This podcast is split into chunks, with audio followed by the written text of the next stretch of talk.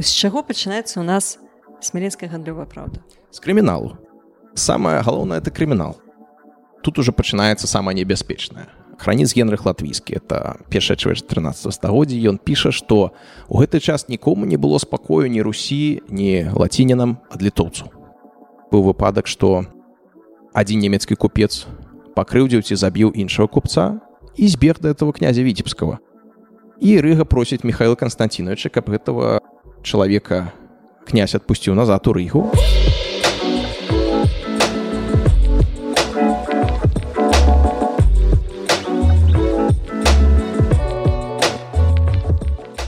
добрый дзень шаноўна гаспадарства з вами падкаст так склалася гістарычна я дзягель Ганна.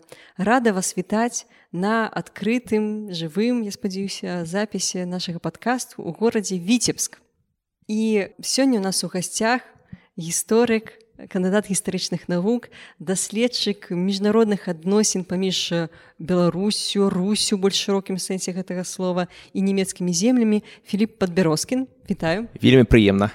Але першым пачнем і першым мы перайдзем уласна кажучы да нашай размовы. Некалькі ўводных словаў. Па-першае дзякуй за падтрымку гэтага выпуску інтэрнэт-гіпермаркету 21 век Вось тут у нас ёсць яго лагатып і сайт калі ласка пераходзьце. І гэта падтрымка не проста на словах і не проста нейкая такая звычайная.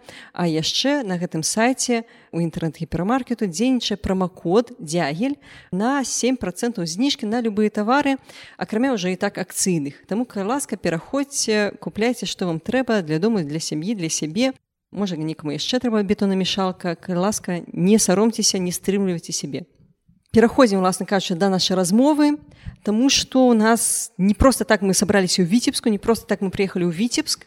У нас тэма такая звязана непасрэдна з віцебскам Таму што мы вырашылі вас з філіпам пагаварыць пра адзін з такіх яркіх момантаў міжнародных адносін паміж беларускімі землямі і нямецкімі землямі. Гэта першая вядомая прынамсі з вядомым тэкстам міжнародная дамова яна называется смаленская гандлёвая праўда альбо яшчэ больш доўгая назва дамова паміж смаленскам поласкам віцебскам і рыгай годскім берагам 1229 году. Праўда вось дамова гандлёвая так? Але першым перозім уласна кажучы да яе зместу Філіп вось расскажи ка ласка пачатак першая палов 13 стагоддзя.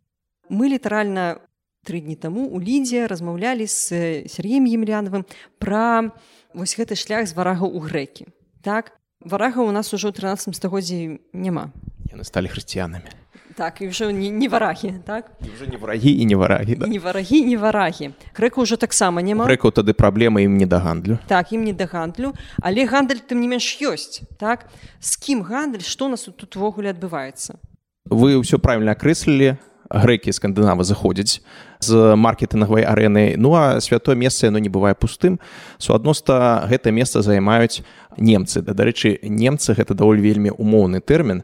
І немцамі на устражытнай русі як да мангольскай так і пасля мангольскай называлі не толькі жыхароў сённяшняй германіі але і шведу і нарвежцаў і англічан і нідерландцаў і э, тут мы маем справу з некалькімі контрагентамі мы з вами знаходзімся ў віцебску і горад віцебск быў адзін з гэтых контрагентаў Чаму гэта дамова называецца смаленская гандлявая праўда Таму што ініцыятарам быў смаленск у 1222 годзе полацк быў захоплены смалянамі і полацк як і віцебскі яны знаходзіліся ў залежнасці ад смаленскага князя.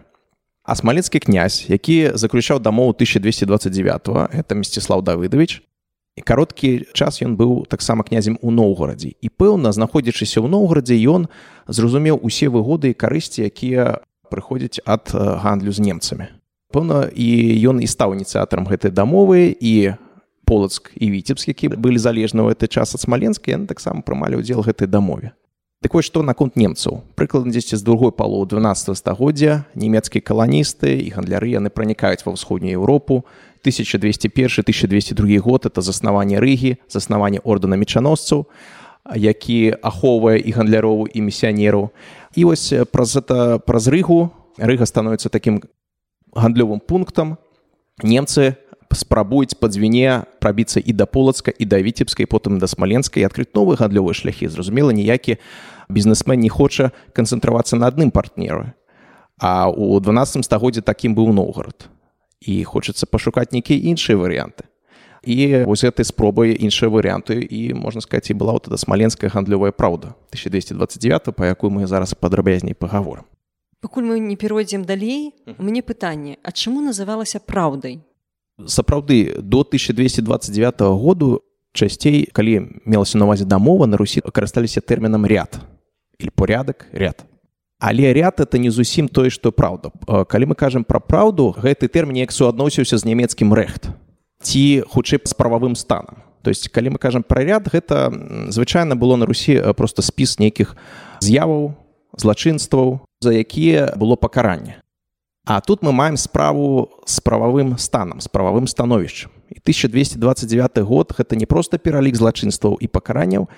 Гэта злачынствы, гэта кампенсацыя, гэта рэчы, якія нельга рабіць, але рэчы, якія і трэба рабіць, каб падтрымліваць той стан рэчаў, які прапісваўся ў дамове 1229 году. То есть праўда, гэта нешта нашмат шырэйша. Гэта новы прававы стан, новае правовое становішча, якое ўключала геаграфічна і смаленск і полацк і віцебск і рыгу і годскі бераг то бок остраў і ці выспу готланд балтыйскі море А вось дарэчы годскі бераг маецца менавіта готланд А я просто сустракала што гэта маецца навазе вось гэта пры балтыйскую узбярэжжа дзе ну, чамусь яго таксама годскім берагам называлі.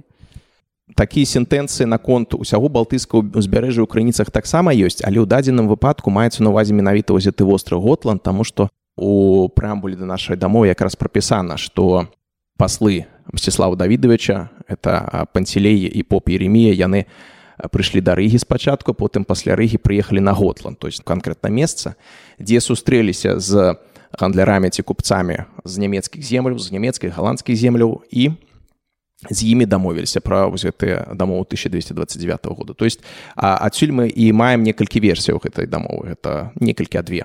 Готландская і рыжская у данзі на выпадку готланд это готланд. А на якой мове яны былі заключаны мы не ведаем дакладна арыгінал гэтых дамоваў. У нашым распараджэнні наколькі вось я бачу па гістарыяграфію даследчыку прапісваецца дзесьці каля сямі спіскаў гэта дамовы. І спіскі гэтыя напісаны на так званай старажытна-рускай мове. Ну старажытна-рускі это вядома штучны тэрмін а рускай з адным с ну, па-рускі древнерускай то старажытна-рускай мове. Але па самім тэксце дамовы бачна што яна перакладалася менавіта з ці з лацінскага ці з ніжнянямецкага арыгіналу ніжнянямецкі это дыялект нямецкай мовы. Ну как мы карыстаемся сённяшнімі тэрмінамі то это ніжнянямецкая это мова паўночнай германії можна так сказаць лівоні то быў прыбалтыкі якая нагадвае нямецкую мову. Ці тады нагадвала эту мову.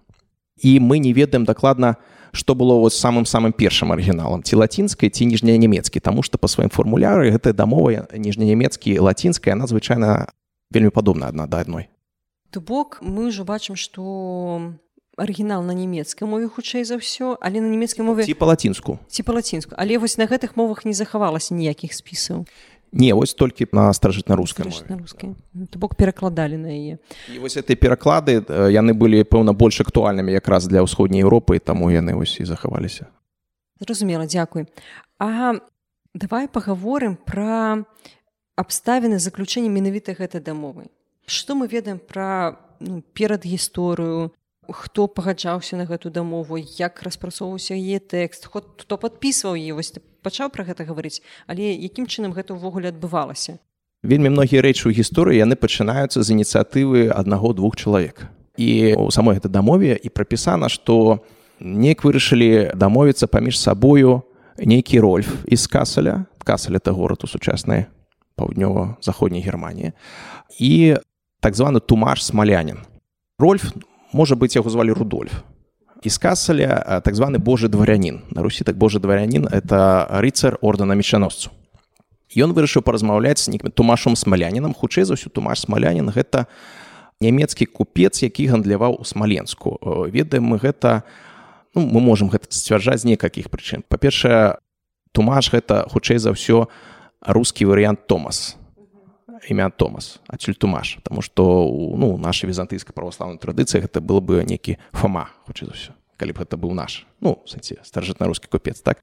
І мы ведаем што у смаленску была уже перад дамовай пэўна некая нямецкая фактуры напрыклад больш ранейшы дамову 1210 года якую заключаў полацкі князь владимир з рыгай а полацкі князь владимир дасылаў у рыгу нейкага лудольфа са смаленска ну лудольф это уже дакладна нямецкае імя і вось ён нейкім чынам аказаўся ў полацку і полацкі князь вырашыў каб ён прадстаўляў яго інтарэсы ў рызе. Лудольф фон смаленск і тумаш фон смаленск і рудольф і тумаш яны прыйшлі да нейкай згоды. Згода іхняя і гэты кампраміс падабаўся князю мсціславу давідовичу і калі ўжо справа ідзе да сур'ёзных рэчаў да, да міждзяржаўных дамоў трэба ўжо каб ўжо раней усё было гаворана калі паміж двумя ўжо галоўнымі актарамі то есть мсціславам давідовичам і рыгай да нечага прыйшло. І таму всеслав давідович высылае напісана там цытую лучшего папа пантелея калі не памыляюсь так пацелей і чалавека еремію. І, і вось ты панцелей і рэмія яны прыбываюць у рыгу там дамаўляюцца. Потым у готланд а у готландзе яны дамаўляюцца з усім нямецкім купецтвам гэта былі купцы з бремена з любіка з брауншвайга з гановера з мюнстера з гронінгена нават і дарэчы большасць з заходняй германії і значыцца у готландзе святочна яны гэта ўсё прымаюць у рызе зацвярджаюць з'яўляецца пераклады і ў готландзе і ў рызе две версіі дамовай і прыязджаюць у смаленск это уже 1229 год за гатовыя версіі і што ж там напісана ў гэтай дамове пра што яна ну я спойлер я чытала і мне больш за ўсё падабаецца што дамова гандлёвая але пачынаецца яна зусім не з гандлёвых рэчаў то бок калі мы чытаем падручнік мы чытаем што смаленская гандлёвая праўда гэта дамова аб беспошліным гандлю так? Але калі мы пачынаем яе чытаць то яна зусім не з гэтых рэчаў пачынаецца. А вось чаго яна пачынаецца? Там прямо былі сказана про тое что вот эта праўда заключается для того абы памеж русю і лацінскім языком ці немцамі не было бою. Бою так значит канфлікту ці нават войны я просто каб ілюстраваць кантэкст буду прыводзіць прыклады з пазнейшых кейсаў. Напрыклад 1443 год пачынаецца вайна паміж ноўгорадам і таўтонскім ордэнам у лівоне прыблізна той же самы рэгіён. Рыга лівоне а пачынаецца ён з-за таго што зноў жа і-за двух чалавек. Нямецкі рыцар граф герхард фон клеве ён падарожнічаў праз лівонію і ноўгород у святую зямлю. Невядома дарэчы чаму ён такі шлях выбраў. І праязджаючы праз ноўгородскую землю у яго адбыўся адзін эксцэс. У яго быў перакладчык ці талмач які ў нейкай там я не ведаю таверне магчыма меў канфлікт з мясцовымі. І вось этого перакладчыка ці талмача пасадзілі ў вязніцу і дзе ён відаць памёр. І вось гэты граф герхард за свае грошы набраў наймітаў і паскардзіўся магіст лівонскага ордэна і пачалася такая вот пяцігадовая вайна у якую потым уключылася і швецыя даня і цэлы рэгіён. Так вось каб не было бою ці канфлікта за вот таких вот лакальных рэчаў яшчэ ў 13 стагоддзе імкнуліся прапісаць прававы стан які ўзнікае пасля вось гэтых эксцэсаў. Таму што і да дамову 1229 і пасля адбываліся будуць збывацца нейкія такія от з'явы за якіх просто будуць арыштоўваць усіх купцоў таго ці іншага боку. Напрыклад адзін купец забіў іншага купца арыштоўваюць усіх купцоў яго скажем так нацыі. І вось для того каб канфлікт просто не стаў глобальным прапісваць усе ты нормы якія нормы прапісваць з чаго пачынаць? Вось мне здаецца калі з нечага пачынаюць то гэта напэўна самае важнае. З чаго пачынаецца у нас смаленская гандлёвая праўда? З крыміналу. Самое галоўнае это крымінал. Калі адзін купец заб'е іншае купца это самае самае цяжкае злачынства. Потым калі э, адбудзецца бойка паміж двумя купцамі і калі адзін аднаму пашкодзіць вуха ці э, вока ці руку ці ногу это ўжо менш цяжкое ну яшчэ вельмі цяжкая штука гэта чужа ложства калі адзін купец паспіць жонкай іншага купца. Гэта па штрафе тое ж самае што і забойства мы дарэчы ведаем з этого что таких кейсаў было відаць много калі справа дайшла до заключення дамовы Вось і калі каб просто такія кейсы не даходзілі да вышэйшых дзяржаўных органаў скажем так да князя ці да рыжскага гарадского магістрату заключаецца вось эта дамова яна канешне на пачатку прапісвае самыя цяжкія выпадкі якія цяжэй за ўсё вырашыць таму што ну забойства і так далее это самае цяжкое зразумела і потым больш такія лёгкія то есть судовыя парадкі гандлёвыя і так далее Таму як бы это не зусім карэктна казаць што это дамова пра беспошліны гандаль гэта было не, не самае галоўнае то есть беспошліны гандаль для нямецкіх купцоў прынцыпе у рэгіёны двіны это была асноўная умова для гандлю таму што яны ўжо мелі такі гандаль у полацку і ў рызе яшчэ з пачатку 13 стагоддзя зразумела яны хацелі просто прадліць в эту тую сферу і на смаленск і, то есть і на віцебс на полц на смаленск Ага. То бок было пералічэнне спачатку нейкіх злачынстваў, а якія пакаранні за гэтае злачынства прадугледжваліся? Грашовае пакаранне, напрыклад, за забойства чалавека 10 грыўняў срэбр. Вы мяне не пытайце, што можна было купіць за гэтыя грошы. Гэта складана навуковая праблема. Па-мому, ключеўскі імкнуўся вырашыць эту праблему яшчэ 19 стагоддзе, калі пісаў пра кошты ў рассіі з часу сярэднявечча тут цяжка нешта зразумець таму што мы не ведаем што што каштавала курс невядомы да курс невядома просто мы зараз не заўсёды можемм ведаць што купіць а што не купляць да і той самае тады. Так вось напрыклад забойства свабоднага чалавека свабодны чалавек гэта не халоп скажем так да?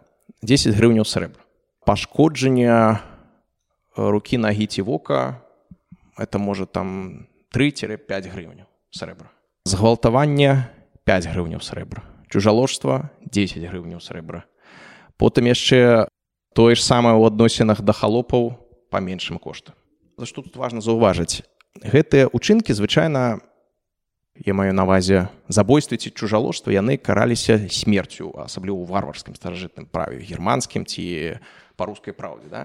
І тут мы маем грашовыя так штрафы то бок гэта не пакаранне гэта менавіта кампенсацыя. То бок калі ты не хочаш быць пакараны смерцю ты можаш заплаціць грошы.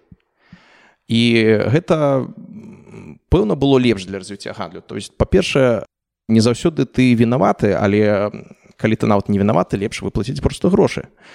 Это першае. І па-другое калі будуць вельмі цяжкія пакаранні то зразумела што бізнес будзе просто баяцца прыйсці ў гэты рэгіён. І каб бізнесу было лягчэй і каб бізнесмен не баяўся яму трэба некая гарантыя на тое што нават калі прысуд будзе неправільны ён зможа неяк адкупіцца зможа неяк вырашыць сітуацыю. Ну вось такім чынам крымінал звязаны з бізнесам. Ну так калі ўсіх краць смерцю то як бы канцы не застанецца конечно. Можна сказать что такая гуманістычная пазіцыя не трэба ўсіх караць смерцю тут і прагматыка і гуманізм у адным мне яшчэ здаецца что вось гэта дакумент ён адлюстроўвае наколькі ну такое жыццё гандляра было насычанае скажем так і непростае Таму что таксама там ёсць такі артыкул што калі купец пабачыць таця злачынству вора каля свайго тавару ён можа яго забіць на месцы і яму нічога за гэта не будзе. То бок тут з іншага боку яшчэ скажем так абарона прыватнай уласнасці так так так. То бок калі гэта ваша ўласнасць ты ёй распараджаць ты можаш е абараняць. Яшчэ я там памятаю такі цікавыя рэчы як прапісвалася хто каму павінен дапамагчы калі напрыклад карабель пайшоў к дну там альбо нейкае крушэнне атрымалася на дзвіне што ты павінны ўсіх выратоўваць то бок таксама адлюстроўвае ну такі што гэта было вельмі часта такое што людзі танулі вось і тавар можа ісці к дну. Цікавая рэч дарэчы вось ты пачаў гаварыць пра розныя катэгорыі людзей што есть свабодныя людзі іх жыццё іх маёмасць іх цела абараняецца поўным чынам А вось ёсць напрыклад халопы. Іх жыццё абараняецца ў меншай ступені. А вось хто такія халопы і ці былі яшчэ нейкія іншыя катэгорыі людзей якія ўпамінаюцца у смаленскай гандлёва праўдзе? Вельмі правільнае пытанне і вельмі цяжка адначасова таму што халопамі на русі каго заўгодна маглі назваць. Асабліва з часоў скажем так цэнтралізацыі ўлады то есть 15 16 стагоддзя халопамі у адносінах да князя былі і баяры той бок знатныя людзі і халопы баярскія і сяляне ну можа быць біскупаў не называлі толькі халопамі таму што біскупы як бы фармальна быў нешта роўнае з князем.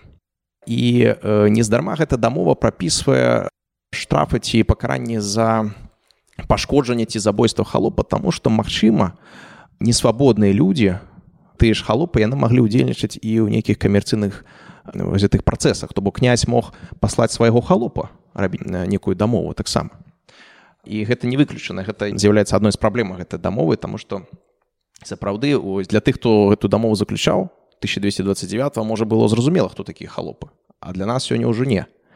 Ці это былі сапраўды не свабодныя людзі ці это былі людзі якія удзельнічалі ў бізнесе то есть мы тут і не ведаем. Можем яшчэ паспрабаваць ось ты закранала перад гэтым пытанне наколькі рызыкованым было жыццё купцоў я прапаную прасачыць увесь шлях купца з рыгі ў смаленск і просто паспрабаць пералічыць усе небяспеку якую яго чакала просто ну згодна з тэкстам дамовы то есть уявіце што вы купец. Ну пускай з бремена там ці з любіка. Там селі ў карабель поехали. Добра калі не было ніякіх штормаў конечно тады плава не было кабатажна то есть уздоўж берага тым не менш гэта не заўсёды захоўвала вас ад нейкай там буркі. Ты даязджаеш да рыжскага берегу і ну яшчэ добра калі не было этой буркі каля берага гэты твой карабель не патануў. Ды добра каб карабель так яшчэ горш што там яшчэ і тавары. А плюс яшчэ конечно як бізнесмен ты камусьці яшчэ і павінны. І пацягнецца на дно яшчэ тое што ты камусьці павінен аддаць. Ну і добра калі ты выжыў просто стаў на бераг у рызе і паплыў далей па дзвіне полацк тут уже пачынаецца самае небяспечнае храніц генрых латвійскі. Это першая чвэрць 13 стагоддзя. Ён піша што у гэты час нікому не было спакою ні русі ні лацінінам ад літоўцу літоўцы 13 стагоддзя гэта пэўна як як знаю піраты карыбскага моря у 17 стагоддзе просто калі ты выходзіш за гарадскія межы ты заўсёды можаш стаць ахвярай гэтых літоўскіх ваенных дружын які ў гэты час аж да новгорода і смаленска даходзілі. Бесперашкодна значится самое больш-менш нармальнае месца это было умацаванае то бок нейкі полацк ці той же віцебск ці той же смаленск вось ты ідзеш да полацка князь табе дае ахову добра калі яшчэ князь чытаў дамову і не возьмеш тебе мыта і ты вот это беспошліна пойдзеш далей да віцебского князя. Ідзеш ты да віцебского князя. У нас дарэчы ёсць документ конца 13 стагоддзя які паходзь з лівоні гэта скаргі рыжского біскупа на віцебского князя михаила константинович это по-моему 1298 год. Вось это михаил константинович вельмі там быў не хацеў ніякіх дамоў слухацца браў ад каго хацеў мыта і свайго цівуна на гэтых купцоў пускаў і іх так грабіў хто такі цівун цівун гэта князькі адміністратор ці можна сказать. Яго дакладныя межы ягонай адказнасці мы не ведаем дагэтуль ну это прыблізна суадносіцца з германскім ці франкскім прыво.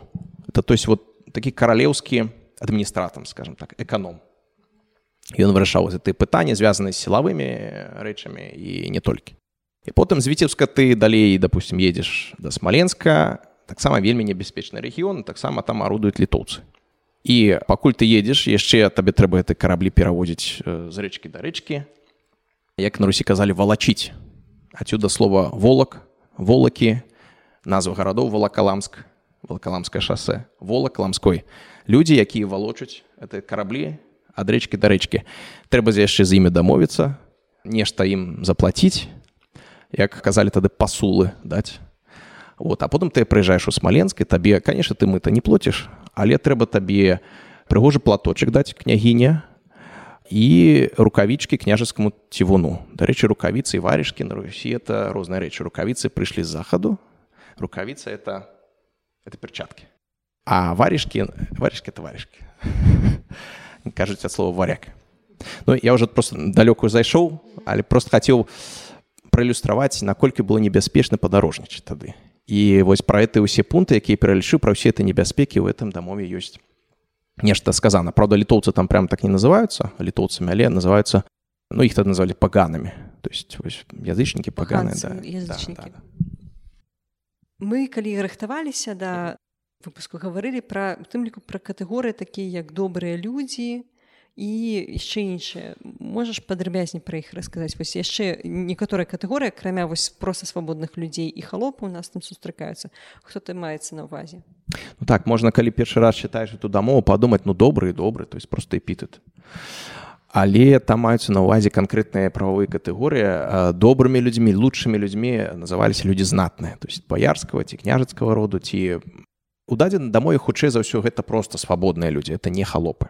То бок вот это вот слово лучше ці добры яно магло адначасова у сабе мець некалькі канатацыяў гэта сапраўды добры чалавек то бок разумны дасведчаны які умею чытаць пісаць і можа заключаць дамовы і гандляваць і ў той жа час гэта свабодны чалавек. То есть это і прававая катэгорыя это і характарыстыка. І мы бачым у гэтай дамове што князь высылае свайго папа еремея лучшего папа Таму што тады святары якраз яны займаліся заключэннем дамоў. Яны ведалі часта мовы і ну асабліва на русі папы гэта прафесійныя дыпламаты і па рускіх летапісах мы бачым много много таких ёсць выпадкаў калі князі паміж сабою мелі пасрэднікаў папоў ці біскупу калі ўжо такая некая вялікая спрэчка там ужо біскуп умешваецца ці метрапаліт ну а нейкія гандлёвыя такія рэчы мог уже і поп вырашыць і вось і гэты поп ехаў і з ім некі княжа муж лучше муж таксама свабодны ці добры чалавек і вось яны рашалі дарэчы на захадзе ну захад умоўна у лацінскай ці заходнееўрапейскай традыцыі сярэднявечай гэтаму рускаму добрыя людзі быў эквівалент боней хомінес таксама добрыя людзі то есть просто літаральна і калі перакладалася вот эта дамова з латыні ці з ніжненямецкай то есть тут і літаральны пераклад адначасова і адначасова ён гэтым рускім рэалем быў адэкватны добрыя людзі халопы ну по-моему ўсё ну калі ты нешта згадаеш я. Давай все ж таки паговорым непасрэдна пра тэкст і магчыма нават нешта пачытаем прыватнасці цікава ну, сам тэкст і цікавы адрозненне вось гэтых дзвюх спісаў Таму што яны не аднолькавыя вось што можна сказаць пра гэтыя адрозненні і по пра што гэта сведчыць? Пра што гэта нам гаворыць за раздрукоўку якую я атрымаю руках тут просто тэкст. Это тэкст дамоў 1229 года які ёсць у так званай лівонскай актавай кнігі. У арыгінале ліф эст und курляндзіша уркунденбух то есть кніга акта уркунденбух і гэта адно з выданняў гэта дамову 1229 года. Ёсць усяго прыкладна сем спісаў у сем версій гэтай дамовы. Так вот даследчыкі лічаць. Іх можна падзяліць прыкладна на две. Гэта готландская версія ці готландская рэцэнзія і рыжская рэцэнзія. І калі мы чытаем абодва тэкста мы можам прыкладна ўжо сказаць якую мы версію чытаем. Таму што у рыжскай версіі часцей за ўсё мы маем справу з немцамі. Ну, я нешта зачытаю просто каб Например, абы веки стояла, и князю любо было, и всем смолянам, и рижанам, и всем немцам по Восточному морю ходящим. Это у нас рижская версия. Потом готландская версия. Как было любо Руси и всему латинскому языку, кто у Руси гостит. Готландская трохи здесь коротейшая, але у рижской версии немцы, у готландской латинский язык слово немцы яно больш характэрна для Русі то есть як, як я уже казаў немцы ці нямецкі язык гэта назва тых народаў які казалі на вось германскіх мовах. І скандынавы і сённяшняя нямецчына германія самі купцы казалі што яны паходзяць са святой рымскай імперыі. І святая рымская імперыя то бок яна мае намер быць як бы лацінскай ці рымскай так то яны казалі лацінскі язык. То есть яны казалі што рымляне ці рымскія купцы. То есть Таму мы пазнаем готландскую версію па вот этому лацінскаму языку тым ліку. Да таго ж вот эта рыжская версія по гіпотэзе даследчыкаў таксама яна перакладалася людзьмі, для якіх руская мова ці старажытна-руская мова была матчаная мова, маза танк, як сёння кажуць. І таму яна больш утрымлівае рэаліі, яна так больш набліжаная да рускіх рэалій. То есть у рыжскай версіі мы маем не такі ж літаральны пераклад, а пераклад, які хутчэй як сёння кажуць функцыянальны сэнсавы які бліжэйшы да старажытна-рускіх рэалій готландская версія гэта літаральны пераклад лацінскага ці ніжнянямецкага арыгінала і таму там было напрыклад па ніжнянямецкі латаніша цунга і вот і тут у нас ёсць у перакладзе лацінскіму языку. Так вось і пераклалі як сёння пераклаў бы дипл ці google просто літаральна ну гэта адзін з момантаў і яшчэ даследчыкі кажуць што конечно вот эта готландская версія ці тая версія якой перакладаў хутчэй за ўсё нейкі немец і она больш як бы дапасаваная да нямецкіх інтарэсаў. Тут часта немцы якраз першымі называюцца потым ідзе русь. У рыжскай версіі часта спачатку смаляня там русь і потым уже немцы. Але як бы то не было у цэлым дамова хутчэй за ўсё адпавядае нямецкім інтарэсам ці інтарэсам нямецкага купецтва Таму што ва ўсіх вось гэтых пунктах які мы там чытаем этой дамове на пачатку гаворка ідзе пра паводзіны нямецкіх купцоў у смаленску напрыклад ці там у полускую ці ў віцебску ну заўсёды першую чаргу у смаленску. І потым заўсёды такая формула. Это неважно які пункт. Ну, вот, напрыклад пункт 3 читаю кто бит э, друга деревом а будет си либо кровав полуторы гривны серебра платите ему по уху и так далее. И у концы так уплатите у смоленске и у ризе и на гоческом береге. То есть кожный пункт закончит няхай так будет и у рызе у годском березе. Вельмі коротко. То есть просто трэба было показать что наше право то есть наше в сэнсе нямецкае право якое мы хочам мець у смаленску і у полуцку і у віцебску Няхай тое ж самае права маюць і рускія купцы ці гандляры у рызе і у Готландзе. Зразумела, што іх контрагентаў, то бок рускіх купцоў у рызе і ў Готландзе былі нашмат нашмат нашмат меней, чым нямецкіх у смаленску. Ну прынамсі крыніцы нам вельмі вельмі рандомныя эпізадычныя згадкі паказваюць. Таму немцы ў першую чаргу свае цікавасці свае інтарэсы страхавалі і э, было як бы права з двухбаковая то есть вот эта вот формула э, няхай так будзе і ў рызе ў годскім беразе гэта хутчэй некая фармальнасць. Часто эта фармальнасць нават пустая таму калі гаворка ідзе про вось гэтых так званых валачан ці людзей якія дапамагаюць пераносіць караблі па гэтых э, бярвеннях з адной рэчкі да, другой волак гэта тыпова ўжо руская рэаль для старажытна рускай рэалі і калі там у тым пункце про валачан унізе зноў эта формула няхай так будзе ў рызігодскім берагі. Зразумела эта формула пустая тому что ніхто не карыстаўся там уже валокамі на каля этой рыгі. Але тым не менш просто для фармальнасці трэба было каб абодва бакі мелі роўнасць. Пацвярджалася роўнасць руляр такі быў. А вось такое пытанне. Прынцыпе тут у нас опісваюцца самыя такія распаўсюджаныя злачынствы распаўсюджаныя канфліктныя моманты. А калі не немагчыма было вырашыць нейкі канфлікт у межах гэтага тэксту альбо ну, нехта не падпарадковаўся куды можна было звярнуцца нямецкаму альбо рускаму купцу за справядлівасцю? Спачатку возьмем нармальны выпадак калі усе інстытуцыі працуюць як трэба. Адбываецца ўзеты некі момант злачынства і для гэтых спраў каб адбыўся нармалёвы суд трэба мець сведку.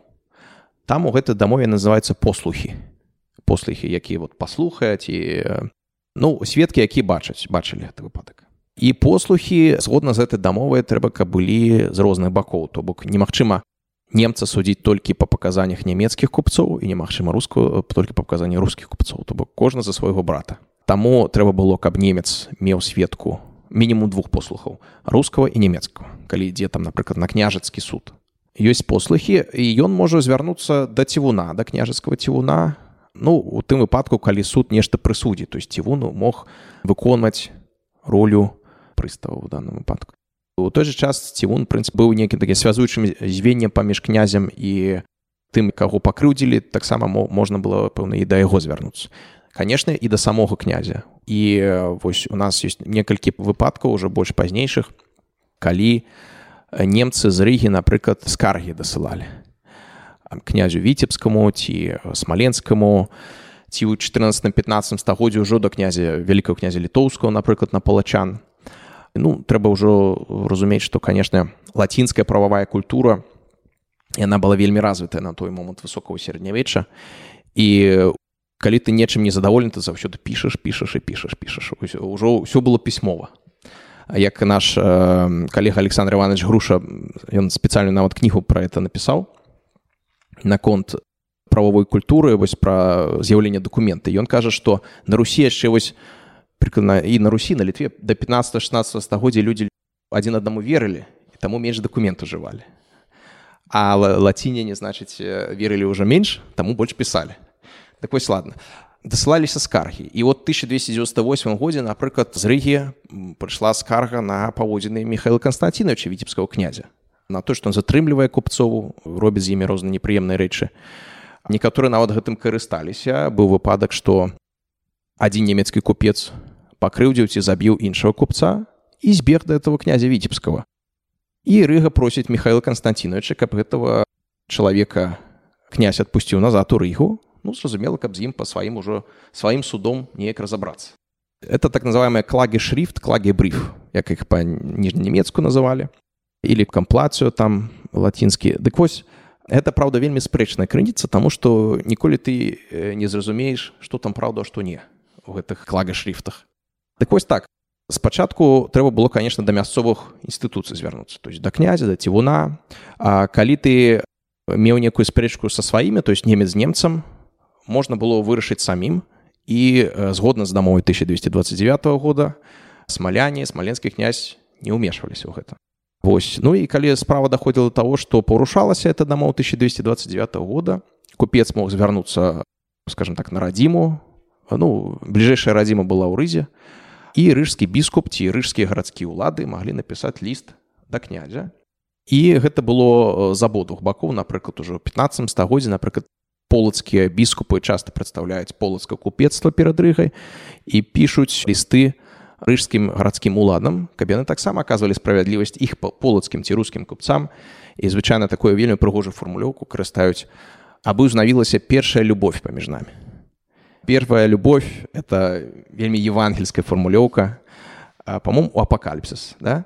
Иисус Христос звяртаецца да Яна багаслова і да адной з сямі церкваў у малой Азіі кажуць пакайся і вярнісь да першай сваёй любві ну, не да кахання менавіта да любві і вось біскупы таксама карыстаюцца біблейскай мовы да первой любві ўжо прававым прававых катэгорыях то есть да вось той самай дамовы якую калісьці подписывалі то есть вот эта дамова 1229 года яе згадывалі і ў 14 15 стагоддзе то есть ну вось прыкладна такі парадак калі не працуе мясцовая інстытуцыя мы звяртаемся да сваіх А ці былі нейкія спосабы вырашэння канфлікту якія былі забароненыя гэтай дамовы ў прыватнасці? Так можна было б назваць іх пэўна самасуд. Там узгадваецца так званая дыба там узгадваецца ардалія агнём. Ардалія гэта такое вельмі першабытнае выпрабаванне некай стыхіі думаю что так можна вызначыцца так, так, вадой альбо агнём звычайна маецца навазе дальше вось мы вучыліся на істваку першыя ардалі якія памятаю это мы нешта звязана з шумерам з законамі хамурапі і афіры праходзілі Вавілоне так законы хамурапі да, да, да. ваду кідалі ваду кідалі калі выплыве значыць Бог яго памілаваў і таксама выпрабаванне агнём яшчэ таксама ў вельмі вельмі старажытных часах. І на русі было вельмі папулярна узгадваецца таксама і ў рускай праўдзе ну якую прыпісваюць часам ярослава мудрого. Так вось гэта ардалі агнём калі вы загугліце вы ўбачыце як гэта выяўляецца у мініяцюрах рускіх мініяцюрах пэўна ў радзівілаўскім летапісе ёсць такія яскравыя чалавек пэўны час атрымаў сваю руку ў агні потым адыходзіў. Ці мог атрымаць нейкі распалены метал ці яшчэ нейкі прадмет з ім прайсці пэўную адлегласць. І калі праз там можа дзень ці два не з'яўляецца ніякіх слядоў на цела значыць все нормально. Ну зразумела што вельмі рэдка это адбывалася не так часто боская міласць сыходзіць так вот таму і у дамове 1229 года забараняецца не так каб зусім забараняецца але забараняецца супраць годы таго каго ты выпрабоўваеш выкарыстоўваць вось гэтую ардалю. Калі ты хочаш чалавека вызваць на двубой то бок на дуэль ён не хоча то ён не мусіць ісці на дуэль двубой гэта таксама лічыцца ардалей. У ардалі ў сэнсе боскаго суда. Лічылася што перамагаў не моцны а той каму Бог пашле удачу так. моц. Моц да. Вот і ну конечно людзі прагматычна асабліва бізнесмены не разумелі што гандаль гандлем а мячом не заўсёды ты валудаеш як ты твой візаві. Значыцца яны маглі адмовіцца і спадзявацца ўжо на княжаскі суд. І зразумела што канешне это таксама стварала пэўнае прававое поле. І тады хацелася ехаць у гэтыя землі а то ты ж просто не ведаеш а что там адбудзецца калі там рускі купец просто за нішто цябе вы выключана двубой. А хто там ведае что адбудзецца. Вот таму зноў жа трэба было стварыць вось такія спрыяльныя мовы дзе ўсё вырашалася пры роўных правілах гульні. Вот.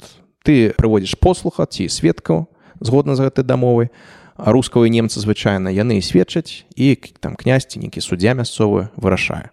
Дарэчы быў таксама інстытут суддзі то есть не абавязковы князь і суддзямі маглі быць таксама людзі якія звязаны былі з гэтымі гандлёвымі факторамі то есть і ў новгороду і смаленскую і полацку былі сталыя гандлёвыя факторы нямецкіх купцоў. Гэта якія звычайна базіраваліся каля нейкай нямецкай царквы каталіцкай у гэтых гарадах. І таксама можна было свае пытанні нейкія там мелкія вырашаць.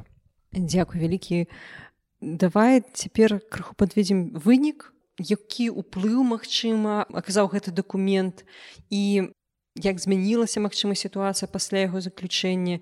І увогуле як можна характарызаваць вось сітуацыю з гандлем сітуацыя з міжнароднымі адносінамі у нашым гэтым рэгіёне па дзвіне у сярэдзіне другой палове 13 стагоддзя.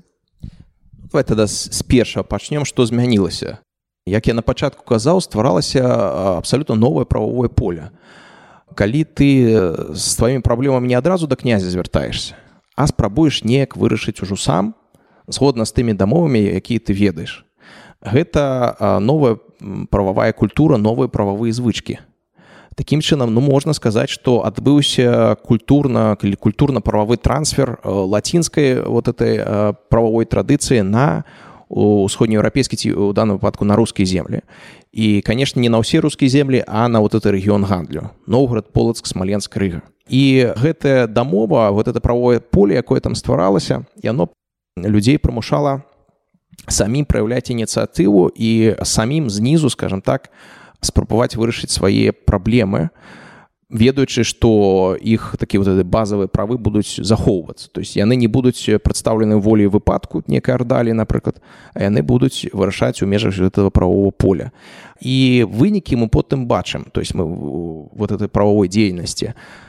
Напрыклад ужо больш пазнейшых дамовах напрыклад полацкія купцы гараджане яны дзейнічаюць часта у ад сваей ініцыятывы напрыклад вось это дамова гердзеня 1263 года літоўского князя які сядзеў полацку з ордэнамі з рыгай там ужо князь гэта хутчэй некае вясельны генерал як сёння кажа. То есть там ужо бачна што менавіта палачане самі являюцца ініцыятарам гэтай дамовы і ў сваіх інтарэсах дзейнічаць ну кажуць сённяшняй мовай гэта спрыяла правовой культуры грамадзянскай супольнасці можна так сказаць хочаш не хочаш трэба выкарыстоўваць сённяшняе слово. Грамадзянская супольнасць яна адрозніваецца ад неграмадзянскай супольнасці тым што людзі самі могуць ведаючы свае прававыя магчымасці вырашаць свае праблемы са сваім візаві контрагентам не звяртаючыся абавязкова да вось это вот аўтарытэта такі зверху Вось і э, эта дамова яна ўключала Русь у гэтыя прававыя палі Ну конечно не ўсю русь зноў жа гаворычыся пэўную яе частку і э, дамова яна была вельмі ўплывовай таму што мы бачым потым паўторы этой дамовы напрыклад 1250 годзе смаленскі князь са свайго боку пацвярджае дамову 1229 года ўжо. А у аднабаковым парадку то есть он просто выдае зноў жа сваё пацверджанне гэтых усіх пунктаў і пралічваючы іх 1229 года.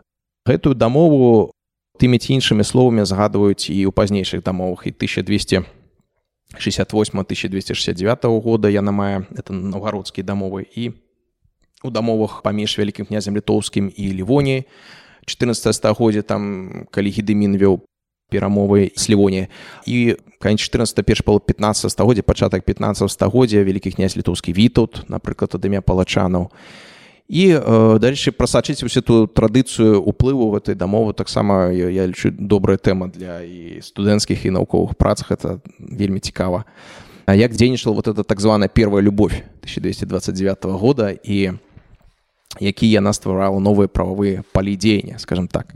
Такі назовем гэты подкаст. Первая любовь да. вот. Словамі полацкого біскупа падаецца якіма якім маладзец Дзякуй вялікі за размову. Я нагадваю, што гэты выпуск падтрымліваецца інтэрнэт-гіпермаркетам 21 век. І на сайце 21 век кропка бай. Можна скарыстацца прамакодам дзягель на 7 процентаў на любыя тавары з каталогу акрамя і так акцыйных. Таму как ласка гэта знак. Калі вы хацелі нешта набыць асабліва бетонамешалку А цяпер напэўна самая такая цікавая частка. Вось наша слухачы вельмі уважліва слухалі. Дзякуй вялікі. І цяпер ваш зорны час. Вы рыхтавалі пытанні я ведаю тому что будзе падарунак. Я вас яшчэ раз прадэманструю. Вось такая сімпатычная сумка шопер ад 21 веку. Я буду зараз падыходзіць да вас з мікрафонам выкра ласка задавайце пытанне і Філіп на іх усе адкажа была гучна ці правильно я зразумела что нельга было скласці зразумець курс на той час тому что не было ніякіх ну, документаў на тэму таго что за што за які кошт куплялі і ці можна тады было скласці той самы курс за э, дакументаў вось гэтых штрафаў кошт за жыццё купца. Ці можна было скласць зразумець які курс тады быў з гэтых дакументаў? Тут просто цяжка зразумець якая это была сума за того что не заўсёды разумела што можна было купіць за гэтыя грошы. Але можна параўноўваць вось гэтыя кошты за жыццё сапраўды і спрабаваць рабіць нейкія высновы. Таму что у жыццё свабодного человека каштуе 10 грыўняў срэбра допустим а при этом ну допустим жыццё халопа там одну грыўну срэбра. І, ну і можна скласці курс жыццё ад свабодного равно 10 халопам. Але это было ну, вельмі так умоўна умоўна. Зноў жа трэба памятаць что калі гаворка ідзе там пра грошы ось ты грыўня гаворка ідзе не пра пакаранне менавіта а кампенсацыю. І гэта не адно і тое ж ўсё ж таки але просто цяжка зразумець конечно мы не ведаем просто дадзеных не пра сярэднія заробкі не пра кошты на той час. Ці вельмі рандомныя такія загадкі. Таму цяжка зразумець саму суму этой грошай вітаю Ілья вітаю піліп ці ёсць такі сидзеце мне ці ёсць такія звесткі каб хтосьці там ушаніў штосьці такое злачынства нейкае а потым такі пабежаў до князя ратуй мяне ад гэтых немцаў я да мяне забіць хочуць там хабар давай дае яму ці штосьці такое ёсць звычайна больш такіх выпадкаў ад саміх немцаў паходзе таму што яны фіксавалі гэта ў сваіх гэтых скаргах.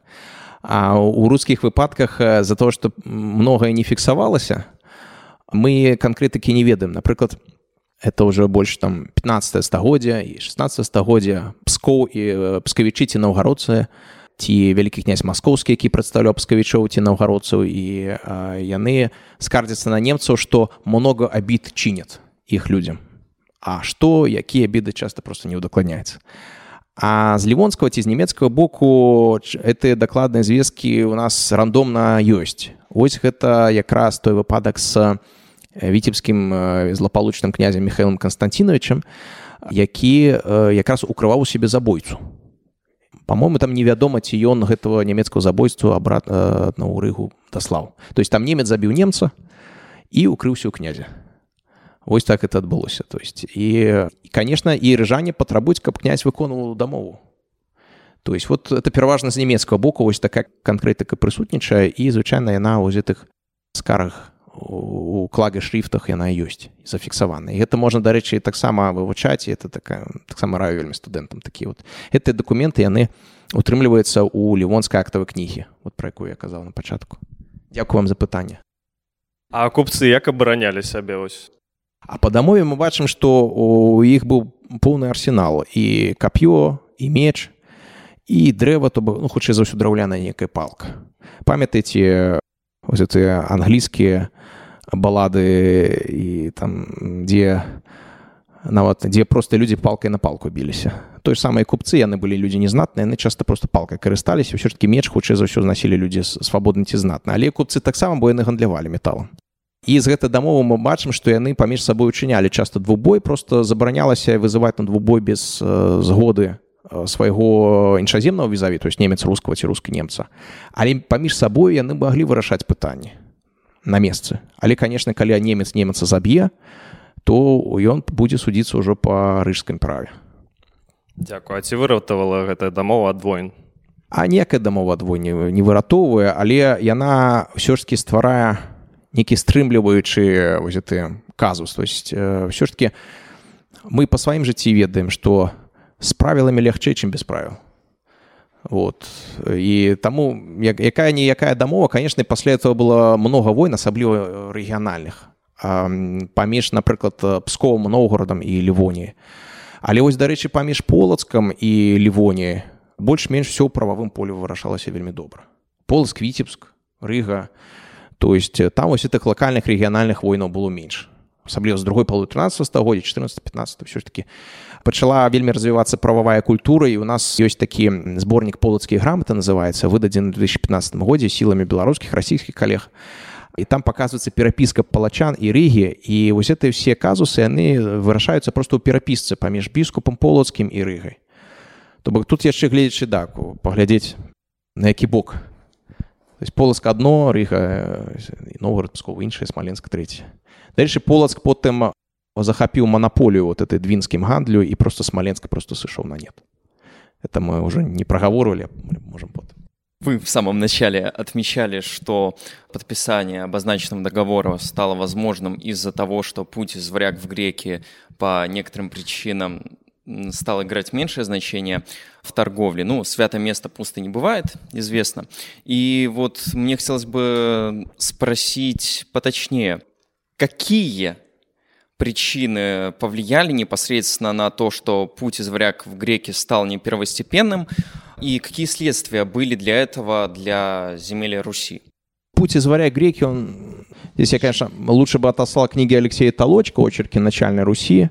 Насколько помню, он пишет о том, что э, путь из варяг греки, он стал э, менее актуальным уже или почти не актуальным там, в 11-12 веках. То есть он, в принципе, уже давно был не к 13 веку.